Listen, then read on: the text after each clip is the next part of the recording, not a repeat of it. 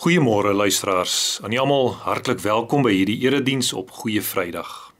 Ons noem dit Goeie Vrydag omdat Christus eeue gelede op 'n Vrydag aan die kruis vir die sonde betaal het. En dit is goeie nuus vir sondaar mense soos jy en ek. Die teks vir vanoggend is 'n hartseer gedeelte wat hom afspeel in die tyd van Jesus se sterwe.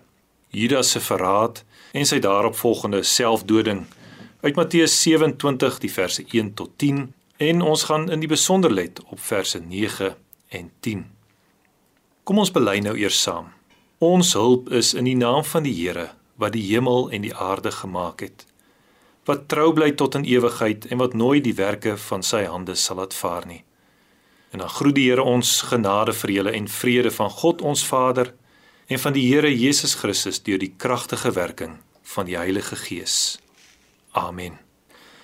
Kom ons prys nou die Here met die woorde van Psalm 146, die verse 1 en 8.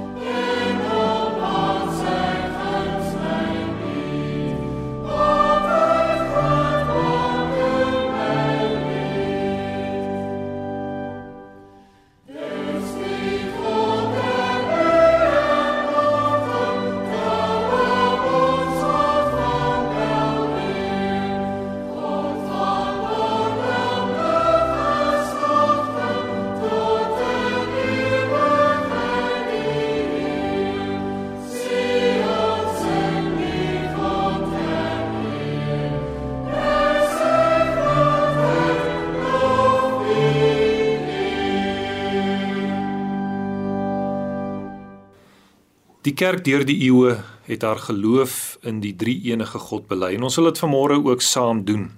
En ons doen dit met die woorde van die apostoliese geloofsblynis. Daar waar u inluister kan u saam met my sê: Ek glo in God die Vader, die Almagtige, die Skepper van die hemel en die aarde, en in Jesus Christus, sy eniggebore seun, ons Here, wat ontvang is van die Heilige Gees, gebore uit die maagd Maria wat gelei het onder Pontius Pilatus, gekruisig is, gesterf het en begrawe is en neergedaal het na die hel.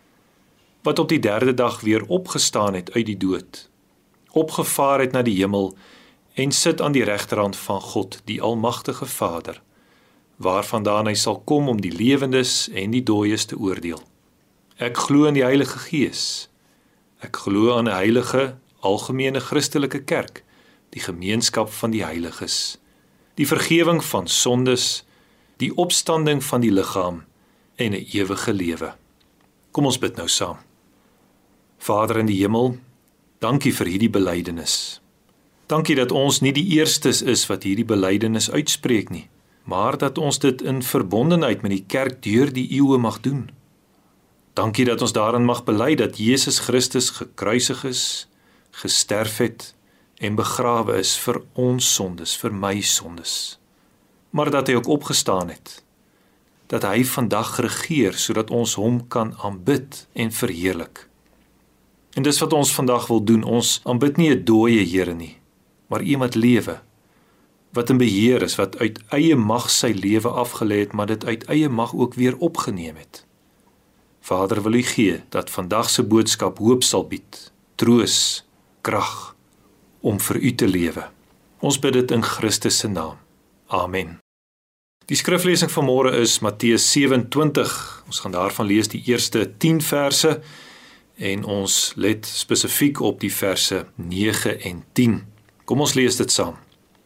En toe dit dag geword het, het al die owerpriesters en die ouderlinge van die volk saam raad gehou teen Jesus om hom dood te maak en hulle het hom geboei en weggelei en hom oorgelewer aan Pontius Pilatus die goewerneur. Daarna het Judas, sy verraaier, toe hy sien dat hy veroordeel was, berou gekry en die 30 silwerstukke teruggebring na die owerpriesters en die ouderlinge en gesê: "Ek het gesondig deur onskuldige bloed te verraai." Maar hulle sê: "Wat gaan dit ons aan? Jy kan toesien." En hy het die silwerstukke in die tempel neergegooi en weggeloop en homself gaan ophang. En die owerpriesters het die silwerstukke geneem en gesê: "Dit is nie geoorloof om dit in die skatkis te stort nie, omdat dit bloedgeld is."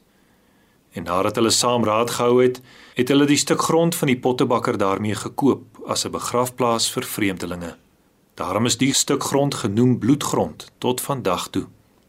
Toe is vervul wat gespreek is deur Jeremia die profeet, toe hy gesê het en hulle het die 30 silwerstukke geneem, die prys van die gewaardeerde wat hulle gewaardeer het vanweë die kinders van Israel en hulle het dit gegee vir die grond van die pottebakker soos die Here my beveel het. Nou geliefdes, ons teks vers 9 begin met toe is vervul wat gespreek is deur Jeremia die profeet. Maar wanneer ons deur Jeremia begin blaai op soek na hierdie profetiese woorde, dan moet ons erken dat daar oor die 30 silwerstukke en die grond van die pottebakker in Jeremia niks te vind is nie. Want hierdie profesie kom ook nie uit Jeremia nie, maar uit Sagaria. Maar het Matteus dan 'n fout gemaak of het latere oorskrywers dalk 'n fout gemaak? Ons weet nie. En ons kan dit helaas ook nie meer nagaan nie omdat die oorspronklike manuskripte nie meer bestaan nie. Maar gelukkig doen dit geen afbreek aan die betroubaarheid van die skrif nie. Want uiteindelik is die persoon van die profeet nie bepalend nie, maar wel die woorde van die profesie. En daarom blaai ons vanmôre nie na Jeremia nie, maar ons blaai saam na Sagaria. Ek wil saam met u lees uit Sagaria 11, die verse 4 tot en met 17. So sê die Here my God, Wees herder van die slagskape. Hulle kopers maak hulle dood sonder om skuldig te voel. Hulle verkopers sê: "Geloof sy die Here, ek word ryk." En hulle herders het geen medelee met hulle nie. Want ek sal met die inwoners van die land geen medelee meer hê nie, spreek die Here. Maar kyk, ek gaan die mense oorlewer, elkeen in die hand van sy naaste en in die hand van sy koning, en hulle sal die land verwoes en ek sal uit hulle hand nie red nie en ek het die slagskape waarlik ellendige skape opgepas. En ek het vir my twee stawe geneem. Die een het ek genoem lieflikheid en die ander het ek genoem samebinding. En ek het die skape opgepas. En ek het die drie herders in 1 maand vernietig. Toe het my siel ongeduldig geword oor hulle terwyl hulle siel ook van my afkeerig geword het. Daarop het ek gesê, ek wil julle nie meer oppas nie. Wat sterwend is, laat sterwe. Wat verlore gaan, laat verlore wees en laat die wat oorbly mekaar se vleis verslind. Toe het ek my staf lieflikheid geneem en dit verbreek om my verbond wat ek met al die volke gesluit het te verbreek. En dit is op die dag verbreek. En so die ellendiges onder die skape wat op my ag gegee het bemerk dat dit 'n woord van die Here was. Daarop sê ek vir hulle: As dit goed is in julle oë, gee my dan my loon. En so nie laat dit dan staan.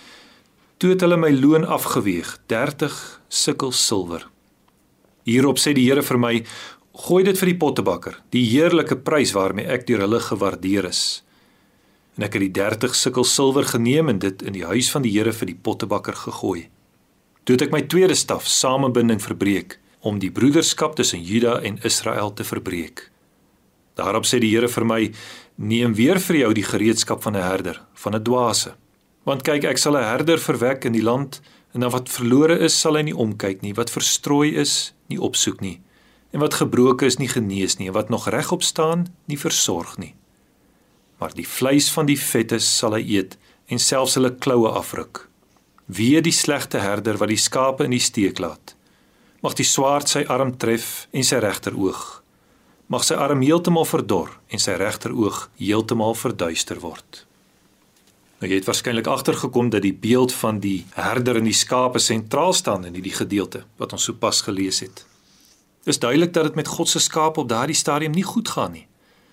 Daar was verseker herders, maar hulle die skape nie versorg soos wat hulle veronderstel was om te doen nie.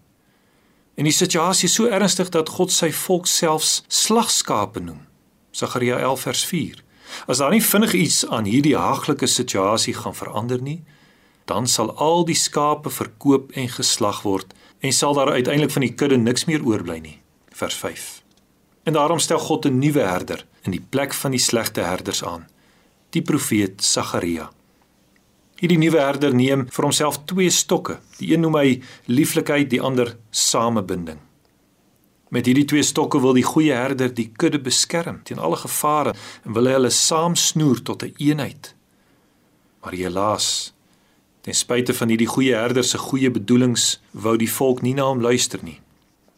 Uiteindelik versleg die situasie sodanig dat die herder sy eerste stok lieflikheid stukkend breek vers 10. daarmee beëindig hy sy beskerming van die kudde teen die vyande en laat hy hulle aan hulle lot oor. Wat sterwend is laat sterwe, wat verlore gaan laat verlore wees en laat die wat oorbly mekaar se vleis verslind. Vers 9. In vers 12 vra die Here vir die volk: "Maar wat is julle bereid om my te betaal vir wat ek vir julle gedoen het? Hoe waardeer julle my werk vir julle? Hoeveel dink julle is my herderskap werd?" Hooplik verstaan ons dat dit hier gaan oor die Here wat wil weet of die volk sy sorg vir hulle na waarde skat. En natuurlik hoop die Here dat die volk sal sê: "Here, U is vir ons van onskatbare waarde. U is vir ons alles. Ons sal U vir niks in die wêreld wil verruil nie." Maar wat lees ons? Toe het hulle my loon afgeweeg, 30 sikkel silwer, vers 12. 30 sikkel silwer, is dit baie? Wel, dit was sekerlik nie niks nie. Dit is byvoorbeeld die bedrag wat 'n Israeliet moes betaal wanneer een van sy beeste sy naaste se slaaf of slavin doodgemaak het. En selfs in die Nuwe Testament was 30 sikkel silwer nog van genoeg waarde om daarmee 'n stukkie grond te kan koop, soos blyk uit die optrede van die skrifgeleerdes en die owerpriesters in Matteus 27. Maar as vergoeding vir die Here, as waardering vir sy werk, is dit werklik die waarde wat die volk heg aan die sorg en die liefde van die goeie herder vir sy kudde? Is dit wat die Here en sy werk vir hulle werd is? 30 sikkel silwer? vir alles wat die Here deur al die eeue vir sy volk gedoen het, is hierdie 30 sikkel silwer in sy oë soos 'n voetjie. Met buitende spot in sy stem gee hy aan Sagaria die opdrag: "Gooi dit vir die pottebakker, die heerlike prys waarmee ek deur hulle gewaardeer is." Vir die Here is dit die laaste strooi. En daarom kry die herder die opdrag om nou ook die tweede stok, samebinding, stukkend te breek. Die Here verbreek op die manier die eenheid van sy volk Hy gee hulle oor aan slegte herders wat die verstrooides nie sal opsoek nie, wat die gebrokenes nie sal genees nie en wat die vleis van die vette sal eet. Vers 16.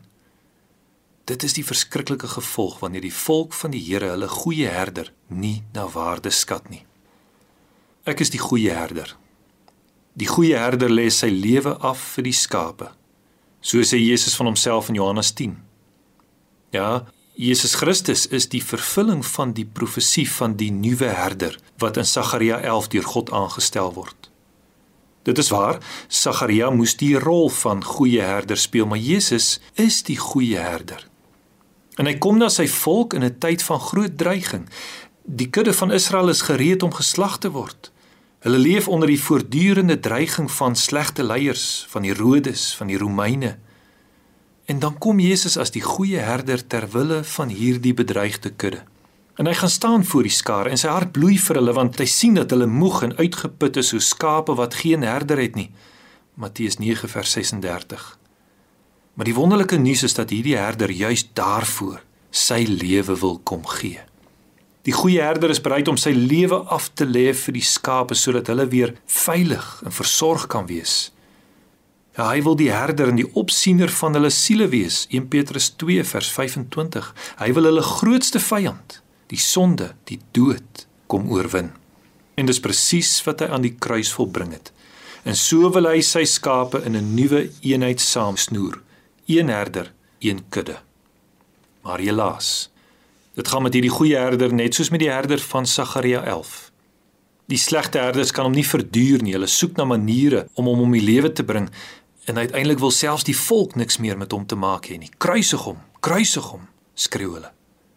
En in die binnekringe van die hoogste hof in Israel plaas die leiers namens die volk 'n prys op Jesus se hoof.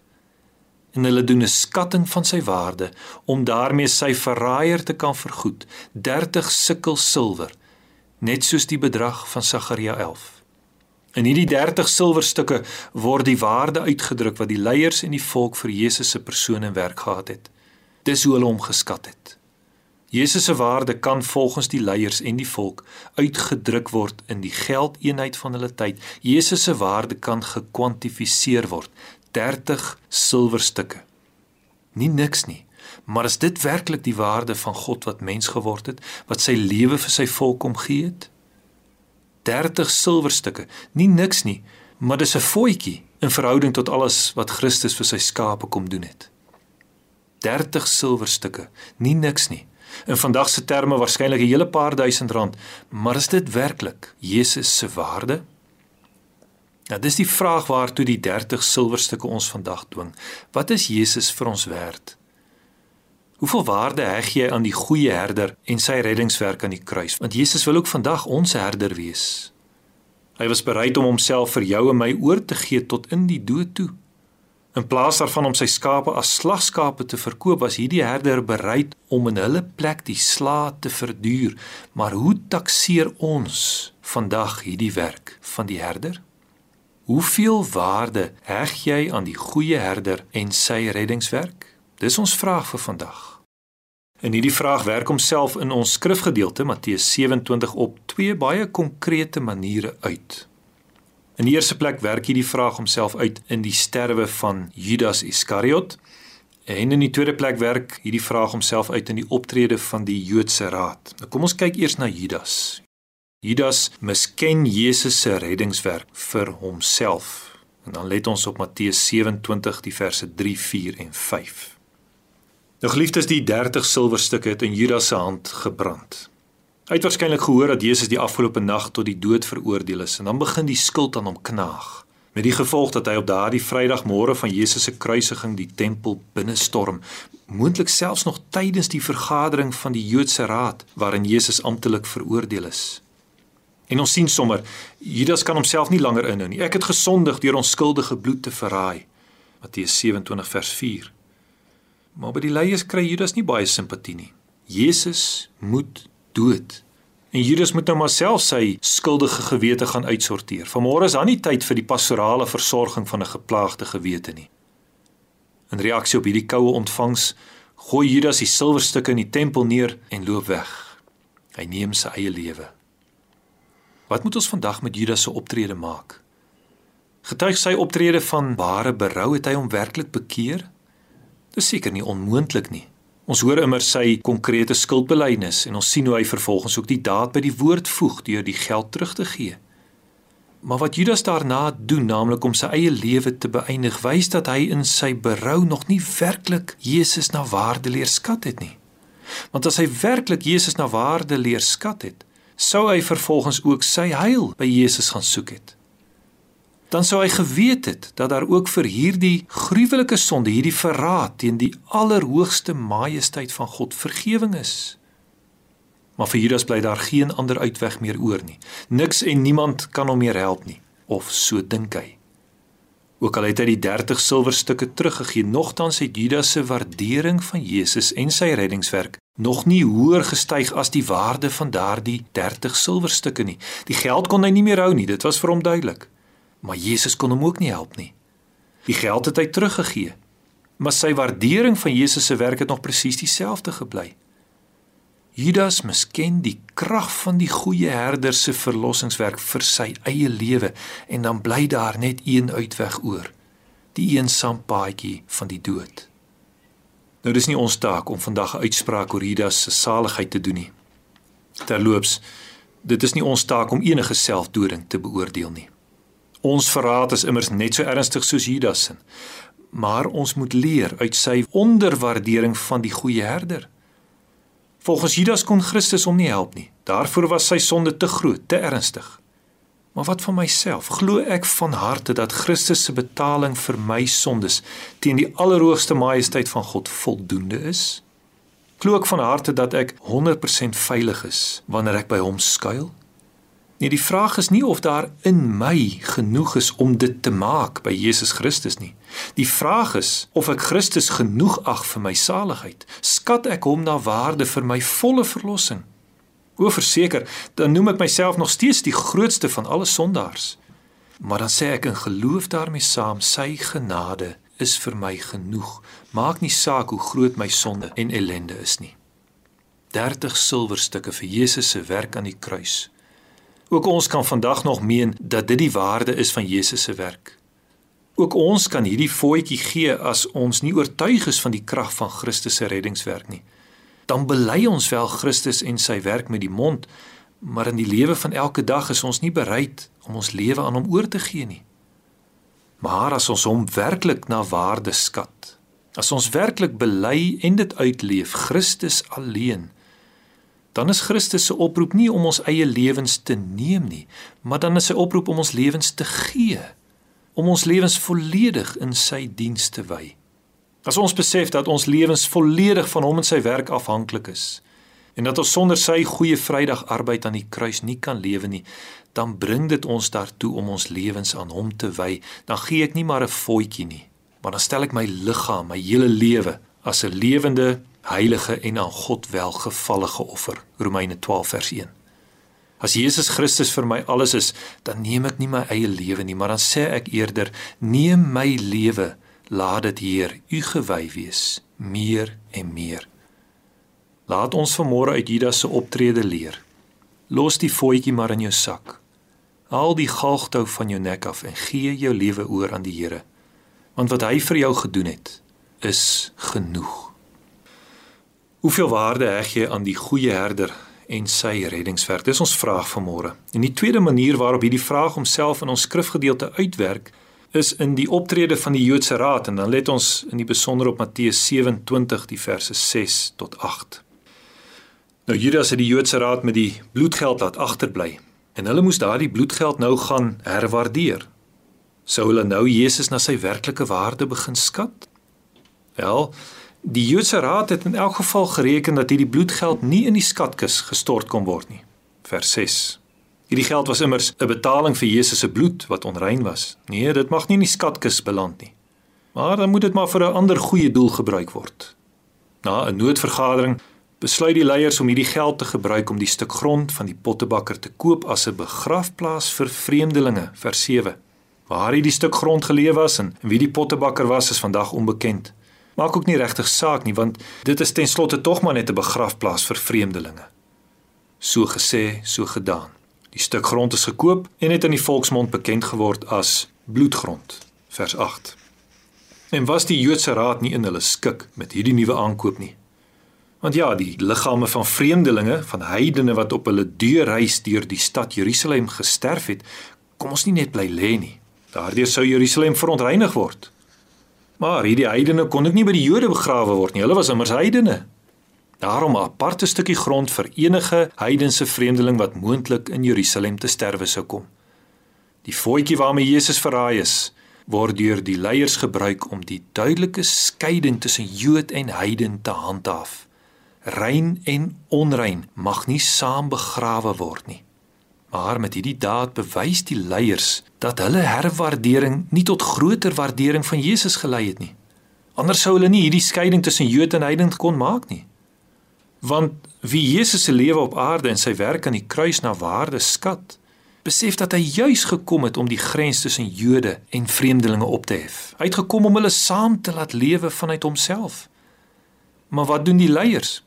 Hulle gaan lê 'n kerkhof aan om die onderskeid tussen Jood en heiden baie duidelik sigbaar te maak. En dit terwyl Christus juis heidene roep om deel te word van die ware Israel. Jesus breek die middelmuur van skeiding tussen Jood en heiden af. Maar van die afgebreekte klippe messel die Jode bloedgrond se muurtjies. Hier word die heidene begrawe, daar die Jode. En so bewys 'n skynbaar onbenullige besluit van die Joodse Raad dat hulle die goeie herder se reddingswerk misken, nie net vir hulle self nie, maar ook vir die nasies. As ons vandag die reddingswerk van die goeie herder na waarde wil skat, dan moet ons verstaan dat hy die skeidsmuur afgebreek het. Jesus is nie slegs die redder van 'n enkele volk of 'n enkele ras of 'n enkele klas nie. Jesus is die redder van die hele wêreld, van elke volk en stam en taal. Wie Jesus se werk na waarde skat, mag dit nie vir homself hou nie. Sonder om in Jesus te glo, is dit presies wat die Joodse Raad helaas gedoen het. Met 30 sikkel silwer word vreemdelinge verban na bloedgrond, want die redding is mos net vir die Jode. Maar Jesus leer ons anders. Hy leer ons in Johannes 10 dat daar nog ander skape is wat nie aan die stal van Israel behoort nie, dat hy hulle ook moet lei en dat hulle na sy stem sal luister. As Jesus self dit vir ons leer, kom ons waardeer hom daarvoor. Kom ons laat ander deel in sy reddingswerk. As ek die goeie herder se reddingswerk as voldoende erken vir myself, ek die grootste van alle sondaars, waarom sou ek dit dan nie met ander deel nie? Ons getuienis het direk te maak met ons waardering van Jesus se werk aan die kruis. Ons kan op Goeie Vrydag baie vroom die kruisiging bewonder. Maar as dit nie lei tot 'n goeie maandag vir my kollega by die werk nie. En as dit nie lei tot 'n goeie dinsdag vir my huishulp en tuinman nie, en as dit nie lei tot 'n goeie woensdag vir elkeen wat die Here op my pad plaas nie, dan het ons Jesus in sy werk tekort gedoen. Laat Goeie Vrydag die begeerte in ons wek om die evangelie te deel. Hoeveel waarde heg jy aan die goeie herder en sy reddingswerk? Sagarias streep Jeremia, laat ons nie los nie. Die 30 sikkel silwer lê steeds vandag op die vloer van die kerk. Gebruik vandag en herwaardeer Jesus Christus se werk vir jouself, vir jou eie sondige lewe en gaan dan heen en maak disippels van alle nasies. Amen. Kom ons bid saam. Vader in die hemel, hierdie pynlike hoofstuk in die lyding van ons Here Jesus roep ons vanmôre op om hom na waarde te skat gee dat ons nie net 'n deeltjie van ons verlossing by hom vind nie, nie net 'n deeltjie van ons lewe aan hom gee nie, maar alles. Ons volle verlossing is in hom. Vader, ons het gelees van Judas wat sy eie lewe geneem het. In ons land is daar ook so baie wat dit doen en daar is verskillende redes hiervoor. Nie vir ons om te oordeel nie. Maar u weet daar is so baie geliefdes wat die pyn hiervan moet ervaar. Troos hulle met u vrede wat alle verstand te bowe gaan. En wil u gee, wil u werk dat niemand ooit sal voel dat daar nie meer uitkoms is nie, dat niemand sal dink dat sy of haar sonde te groot is vir Jesus Christus nie. Wil u gee dat daar op hierdie dag hoop mag wees, dat mense wat dalk in wanhoop is, mag weet by Jesus is daar verlossing. Vader, gee ook dat wanneer ons ons lewe in Christus gevind het, ons dit ook met ander sal deel. Want sy bloed is vir alle volke, nasies en tale. Maak van ons lewende getuies hiervan. Wil U gee dat vandag reg oor die wêreld 'n goeie Vrydag sal wees. Goed, nie omdat dit met ons altyd so goed gaan nie, nie omdat alles in ons lewe probleemloos verloop nie, maar omdat Christus ons verlosser is. Gee dat ons hierdie dag saam met geloofsgenote en geliefdes mag vier tot eer van U naam. Amen. Kom ons sluit af met die woorde van Psalm 23. Psalm 23 net so se herder en ons gaan daarvan sing die verse 1 en 3.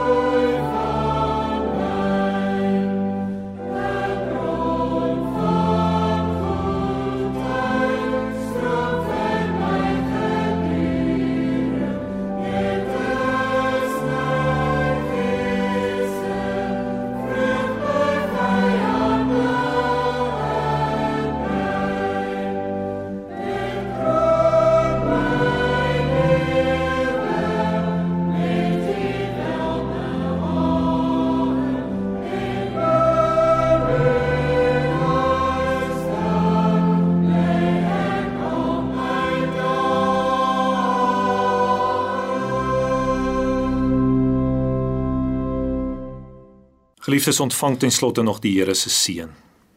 Die genade van ons Here Jesus Christus en die liefde van God ons Vader en die gemeenskap van die Heilige Gees is en bly met julle almal.